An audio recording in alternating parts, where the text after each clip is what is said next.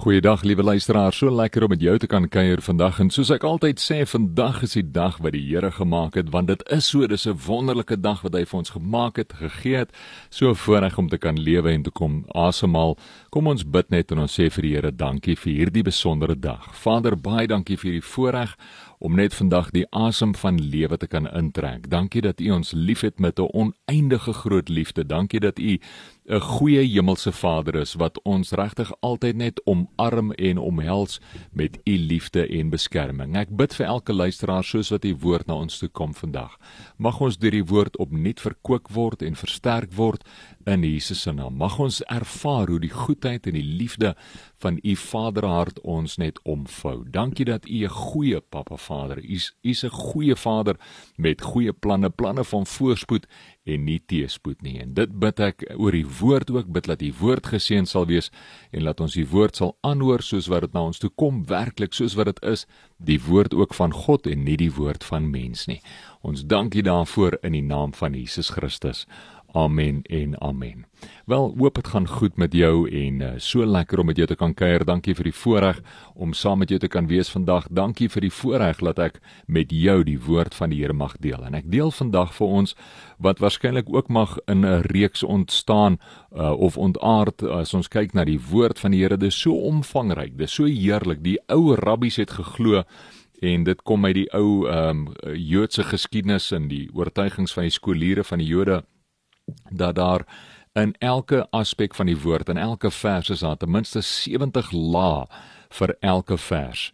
En dit maak nogal sin as mens kyk na die woord, nê, nee, want dit wat die skrif vandag vir jou beteken kan vir jou môre iets anders beteken en dit bring vir jou nuwe betekenis elke dag wanneer jy die Bybel optel, elke dag wanneer jy die woord optel en jy sien iets nuuts en jy ervaar iets nuuts van wat die Here vir jou wil sê rondom die woord. En so deel ek met jou rondom die boek van Ester en dit is so omvangryk, so besondere boek laat om dit in een episode of een geleentheid te probeer doen sal werklik net onreg doen aan die boek en daarom wil ek dit graag met groot omsigtigheid en uh, liefde en uh, respek wil ek hierdie boek hanteer en ek gaan nie by alles kan uitkom nie maar ek wil graag tog soveel as moontlik daarvan probeer deel met jou as luisteraar en laat die woord regtig vir ons sal verryk en sal stig en sal bemoedig en dis my gebed vir jou dat die woord ook werklik so sal wees vir jou. En soos ek sê, ek gaan daaruit Ester uitdeel. Dis 'n besondere lewe en 'n voorbeeld uit die woord van God uit vir ons as gelowiges. Hierdie is 'n besondere boek van hoop, geloof, geloof eerder en liefde, hoop, geloof en liefde. En ons weet dat 1 Korintiërs 13 vir ons dan ook afsluit as ons dink in terme van geloof, hoop en liefde, dan besef ons 1 Korintiërs 13 sluit vir ons af as die boek van liefde mos, nê? Nee en dit verwys dan om te sê vers 12 1 Korintiërs 13 vers 12 sê nou kyk ons nog in 'n dowwe spieël en sien 'n raaiselagtige beeld maar eendag sal ons alles sien soos dit werklik is. Nou ken ons net gedeeltelik maar eendag sal ons ten volle ken soos God ons ook ten volle ken. En nou geloof hoop en liefde bly. Hierdie drie en die grootste hiervan is die liefde En so wil ek ook die woorde van Paulus ekho vandag. Nou kyk ons nog in 'n dowwe spieël. Die realiteit is nou sien ons nog so 'n bietjie dof weg, nê. Nee. Ons sien baie beperk in ons insig. Ons sien net sekere goeters uit die woord uit. Maar eendag sal ons sien soos dit werklik is. Wanneer ons Jesus Christus aangesig tot aangesig sien, dan sal ons sien soos wat dit werklik is. Nou ken ons net gedeeltelik, maar eendag sal ons ten volle ken soos wat God ons ken. Eendag sal hy alles aan ons openbaar. Eendag sal hy alles vir ons bekend maak en tentoonstel soos wat ons hom ten volle sien in sy heerlikheid soos wat hy is. So, wanneer ons die woord van die Here deel met mekaar en leer daaruit, is dit op die beste, maar net eintlik gedeeltelik. Want nou kyk ons in 'n dowwe spieël en sien 'n raaiselagtige beeld, maar eendag sal ons alles sien soos wat dit werklik is. Nou ken ons net gedeeltelik, maar eendag sal ek ten volle ken soos wat God my ten volle ken. Nou ek wil net vinnig teruggaan na daai woord dowwe speel raaiselagtige beeld. Die realiteit is Paulus probeer net hier onderstreep dat ons sien nie ten volle nie wat hy vir ons probeer sê is en dit is wat ons moet besef dat die woord van die Here is dat dit hoef nie 'n raaiselagtige beeld te bly nie.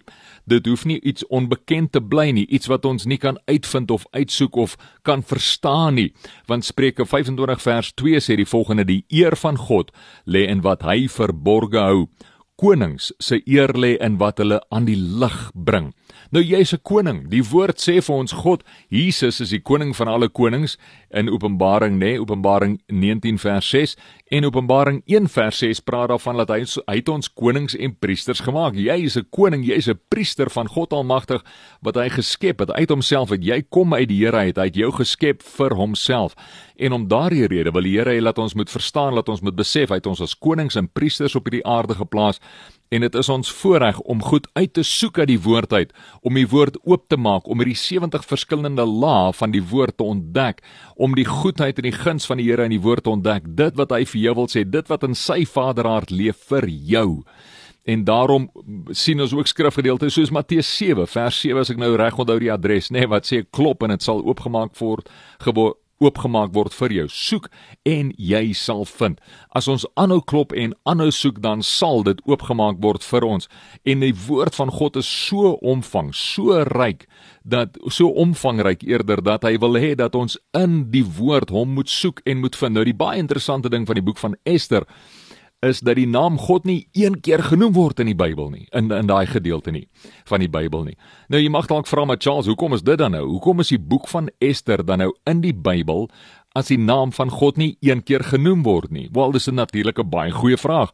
Die realiteit is die boek is deurdrenk met God se DNA. As jy dit lees en bestudeer en dis hoekom ek graag met hierdie boek wil begin en net 'n paar gedeeltes daarvan uitlig vir jou.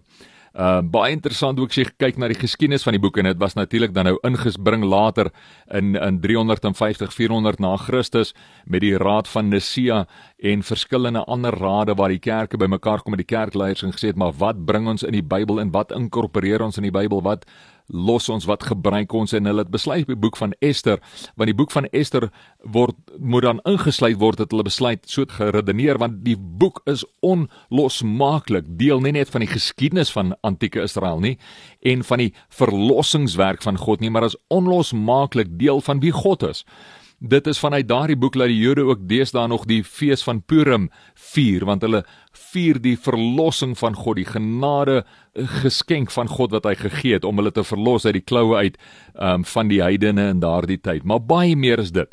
Gaan die boek van Ester deurdrenk met die DNA en die vingerafdrukke van God, gaan die boek van Ester uit en uit oor hoe God mense verlos ook van onregverdige behandeling. Hoe God mense verlos van verdrukking. Hoe God mense verlos van omstandighede waarin ons osself ook baie keer deesdae bevind, nê. Nee. En daarom sal jy sien, soos wat ons deur die boek van Ester werk, sal jy sien daar's besondere plekke in die in hierdie boekie in die Bybel wat ons die vingerafdrukke van God kan sien, sy DNA, maar ook kan besef hoe hy intens, intiem in ons lewens betrokke is en hoe hy verlossing bring selfs in die kleinste van aspekte. So ek is opgewonde om hierdie boek met jou te deel en ek bid regtig dat dit vir jou sal verkoop en sal verfris en sal versterk en dat dit net vir jou wonderlik sal wees ook om te besef hoe die Here in en deur hierdie boek ook in jou lewe wil werk. So om terug te kom na my punt van vroeër, hierdie is 'n boek wat spesifiek dan nou half amper die naam van God in verborge is, maar dit is die voorreg wat hy vir ons gee om hom in hierdie boek te vind. En Jesus sê mos nou op 'n plek elders sê in die Nuwe Testament, nê, nee, o Jerusalem, hoe ek verlang daarna het om julle te vergader soos 'n moeder hen haar kykens onder haar vlek bymekaar maak. As ons die Bybel lees, is dit deurdrenk van God wat keer op keer op keer uitreik na sy geliefde, na sy bruid wat uitreik na haar wat sê, "Maar hoorie, kom nader na my."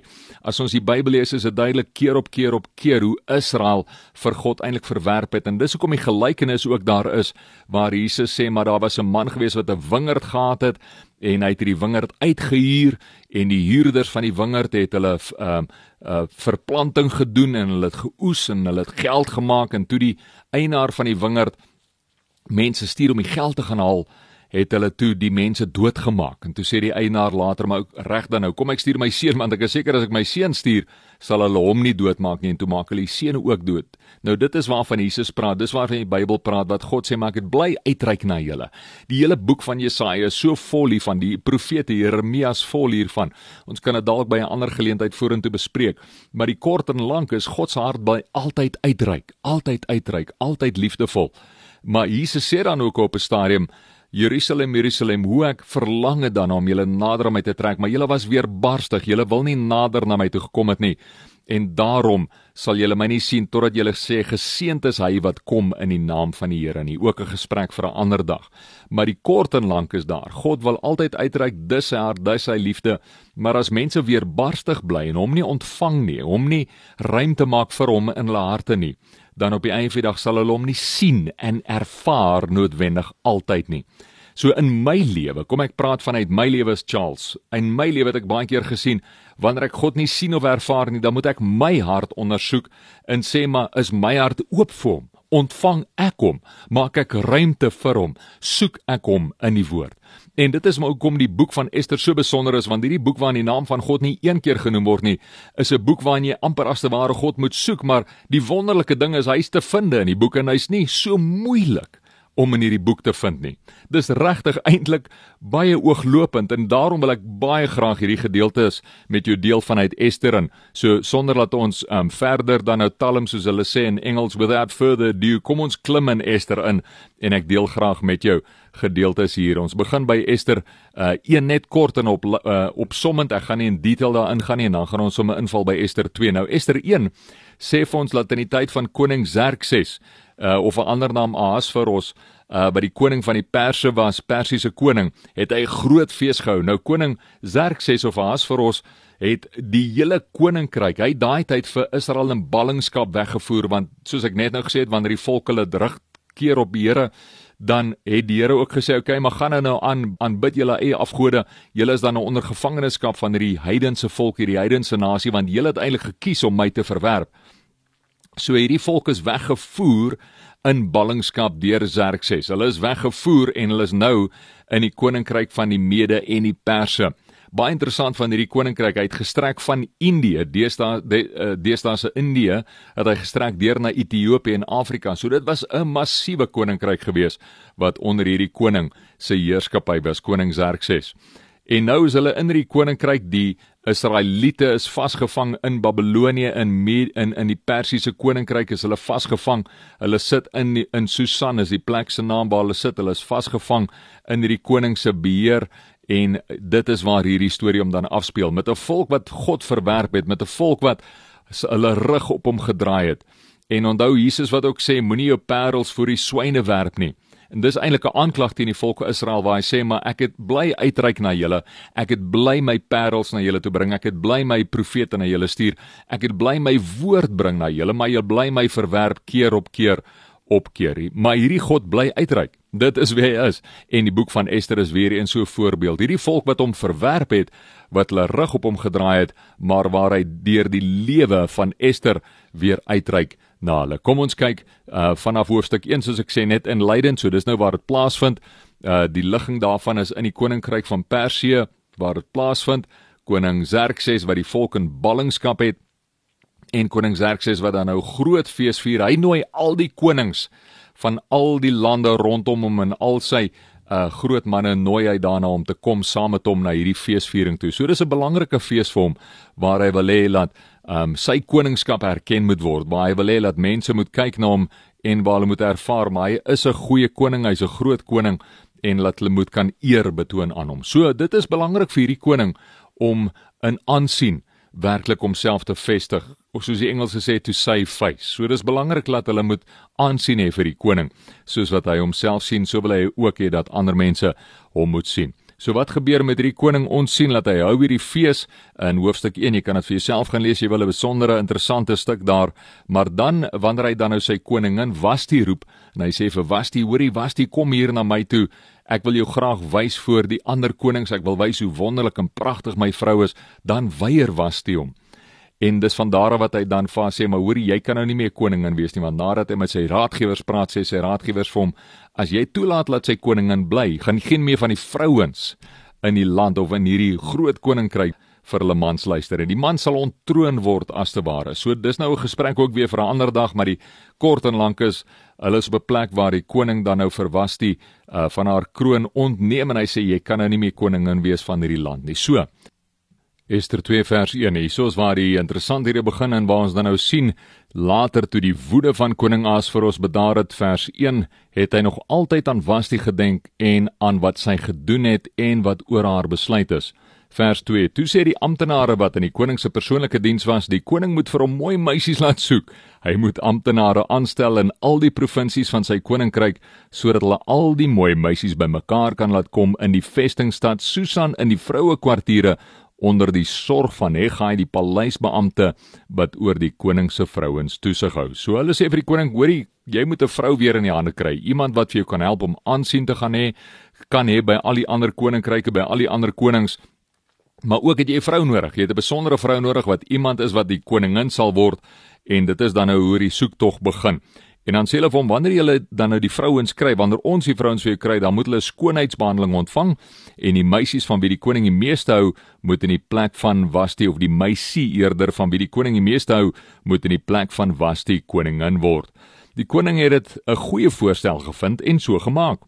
In die stad Susan was daar 'n Jood met die naam Mordegai. Nou hier is waar die Mordegai verhaal vir ons van belang begin raak. Mordegai en Ester veral. Dink aan Mordegai, nie net Ester nie, maar hou ook die naam Mordegai in die agterkant van jou kop. In die stad van Susan was daar 'n Jood met die naam Mordegai. Hy was uit die stam van Benjamin en was 'n seun van Jair, seun van Simei, seun van Kus. Hy was onder die balinge wat saam met die koning Joachim van Juda uit Jerusalem weggevoer is deur koning Nebukadneser van Babel. Soos ek vroeër gesê, dis wat gebeur het. Ons verstaan hulle is in ballingskap weggevoer. Dit het nie goed gegaan met die volk nie. Nou interessant hierso van Mordegai as jy sien dat hy was eintlik 'n afstammeling gewees van die Benjamite. So hy kom daar van Saul se stand af, se adelstand as te ware eintlik van 'n koninklike stand ook af en hy's dan nou in hierdie land saam met die res van die Israeliete is hy ook in gevangenskap weggevoer deur koning Nebukadneser. Vers 7 Mordegai het as voog opgetree vir Hadassa dit is Ester Hadassa was haar Joodse naam haar Hebreëse naam gewees. Dit is Ester die dogter van sy oom want sy was 'n weeskind Die meisie was mooi. Sy was baie mooi sê die Bybel. Na die dood van haar pa en ma het Mordegai haar as dogter aangeneem. So Mordegai het haar onder sy vlerk geneem en hy het haar grootgemaak. Vers 8. Toe die besluit en bevel van die koning bekend gemaak is, is 'n groot aantal meisies in die stad Susan bymekaar gebring onder die sorg van Hegai, want Hegai moet ons nou kyk na hulle, né? Nee, hy moet sorg dat hulle hulle skoonheidsbehandeling, hulle beauty treatment kry. Ester is ook na die paleis van die koning toe geneem onder die sorg van Hegai wat oor die koning se vrouens toesig gehou het. Vers 9. Die meisie was vir hom mooi en hy het van haar gehou. Hy het haar dadelik die nodige skoonheidsbehandeling gegee en haar die regte dieet laat volg. Ook het hy die sewe bestes van die paleis se kamerpersoneel tot haar beskikking gestel en haar en haar kamerpersoneel na die beste deel van die vroue kwartiere verskuif. Baie indrukwekkend, nê, nee, om te sien hoe die Here van die begin af eintlik sy hand hier op Ester het. Eintlik reeds hoe hy omsien na haar, hoe hy sê, "Maar ek gaan uitkyk vir jou." Soos wat Mordegai jou onder sy vlerk geneem het en jou versorg het en beskerm het, so gaan ek uitkyk vir jou. So gaan ek jou beskerm. En dis dis kenmerkend hier van die begin af hoe die Here sê, "Maar ek neem jou onder my vlerk." Hy sorg dat sy guns het by Hegai. Hy sorg dat sy die beste kry van die um, meisies wat na haar toe kom, van die um, diensmeisies wat haar gaan dien. Hy sorg dat sy die beste kamerpersoneel kry, die beste deel van die vroukwartiere en die beste moontlike dieet. Dit is hoe God omsien na Ester. Vers 10. Ester het nie haar volksverband en af, afkoms bekend gemaak nie, want Mordegai het haar belet om dit te doen. 'n Wyse oom hierdie Mordegai sê van hoorie hou jou moeilikheid klein. Moenie vir mense vertel wie jy is en waar jy vandaan kom nie nog nie, want hy besef in alle waarskynlikheid besef hy maar God het 'n plan met hierdie ding wat besig is om uit te werk en uiteraard gee hy ook om oor Ester se lewe en hy wil hê dat sy moet veilig bly en hy weet dat die Jode wat onder ballingskap is, hy weet dat hulle is nie die beste in die oë van die mense van die land nie. Um hulle verdien nie en geniet nie hoë aansien onder die mense van die land nie en daarom sê Ester hou jou identiteit net eers geheim. Vers 11 Mordegai het elke dag voor die voorhof van die vroue kwartiere heen en weer geloop om agter te kom hoe dit met Ester gaan en wat met haar gebeur. sien net hierdie versorging, hierdie omgee van haar oom Mordegai, nê, nee, want uiteraard het hy haar nou groot gemaak. So hy wil seker maak dat dit goed gaan met Ester en dat sy versorg is en dat alles wel gaan. Vers 12 Die skoonheidsbehandeling waaraan die meisie sal volgens die gebruik moes onderwerp, het 12 maande lank geduur, behandeling met mirreolie 6 maande en met lekker ryk krye en ander skoonheidsmiddels 6 maande.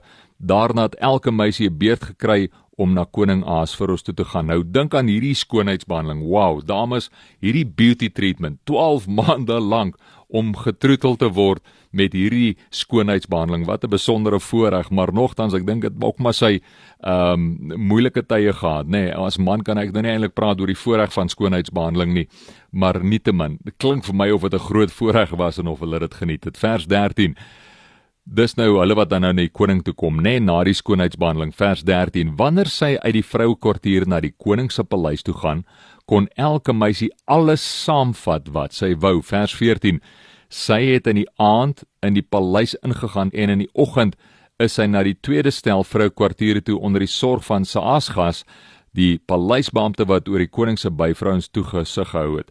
Sy kon nie weer na die koning toe gaan nie behalwe as hy baie van haar gehou het en sy geroep word. So, hierdie protokol is baie belangrik want later in die woord gaan ons weer lees oor hierdie protokol. Onthou nou wat dit vir ons sê, vers 13, wanneer sy uit die vroukwartier na die koning se paleis toe gaan, kon elke meisie alles saamvat wat sy wou. Vers 14, sy het in die aand in die paleis ingegaan en in die oggend is sy na die tweede stel vroukwartiere toe onder die sorg van Saasgas, die paleisbeampte wat die koning se byvrouens toesig gehou het.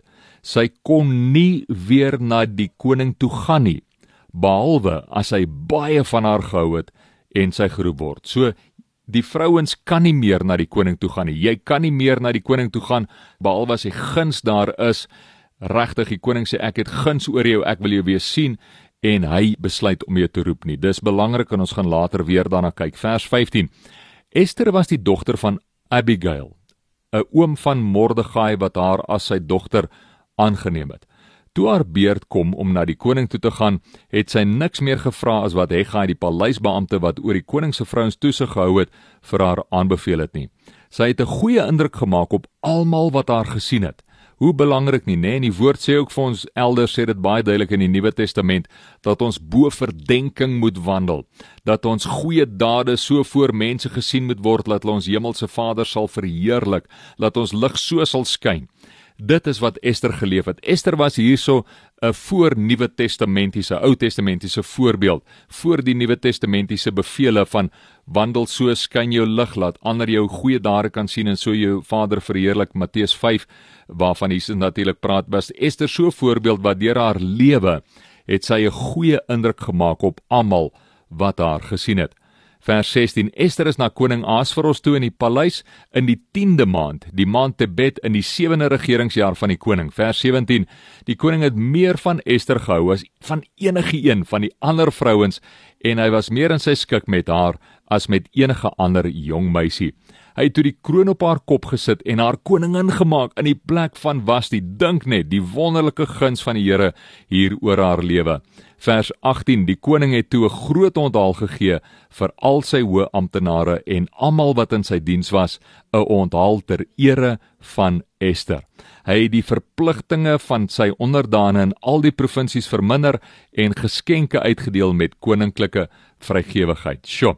So die koning is baie opgewonde, hy's baie bly hy het 'n nuwe koningin gevind, hy het haar gekroon en hy deel sommer geskenke vir alles uit. Dit was 'n groot bruilofsfees geweest. Dit was heerlik geweest. Hulle het 'n goeie en 'n lekker tyd gehad saam in die koning se teenwoordigheid. Vers 19.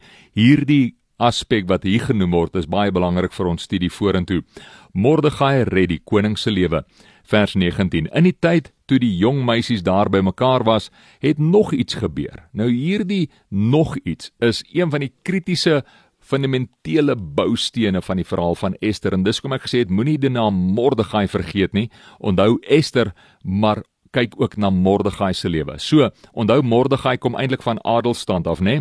Hy kom van uh, Benjamin af en ook van Saul en Kus en al daai manne. Hy kom van daai lyn van koningskap af eintlik. So Mordegai en hierdie ding wat gebeur het. Mordegai het in die poort van die koning se paleis gesit.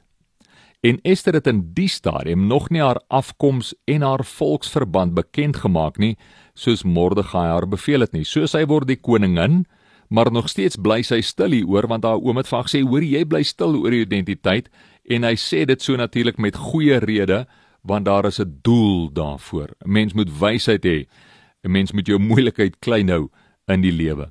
So sy hou nog nie het nog nie haar identiteit bekend gemaak nie, haar afkoms, haar volksverband bekend gemaak nie soos Mordegai beveel het nie. Sy het Mordegai se opdrag uitgevoer soos toe sy nog onder sy sorg was. Vers 21 in die tyd terwyl Mordegai in die poort van die paleis gesit het, het Bigtan en Teres twee paleisbeamptes van die koning wat poortwagte was, verbitter geraak en saamgesweer om koning Ahasveros te vermoor. So hierdie manne is verbitter oor die koning en hulle wil hom doodmaak. Vers 22.